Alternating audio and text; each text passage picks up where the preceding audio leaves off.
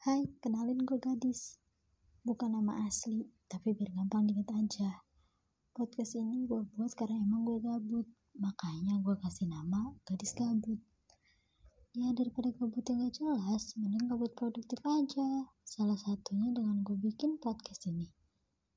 Sejauh ini sih gue belum tahu apa aja yang bakal gue share di sini.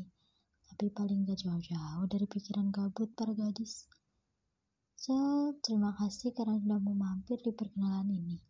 Semoga podcast gue menjadi podcast yang senang kalian dengar, walaupun gue gak tahu isinya bakal bermanfaat atau enggak. Selamat mendengarkan.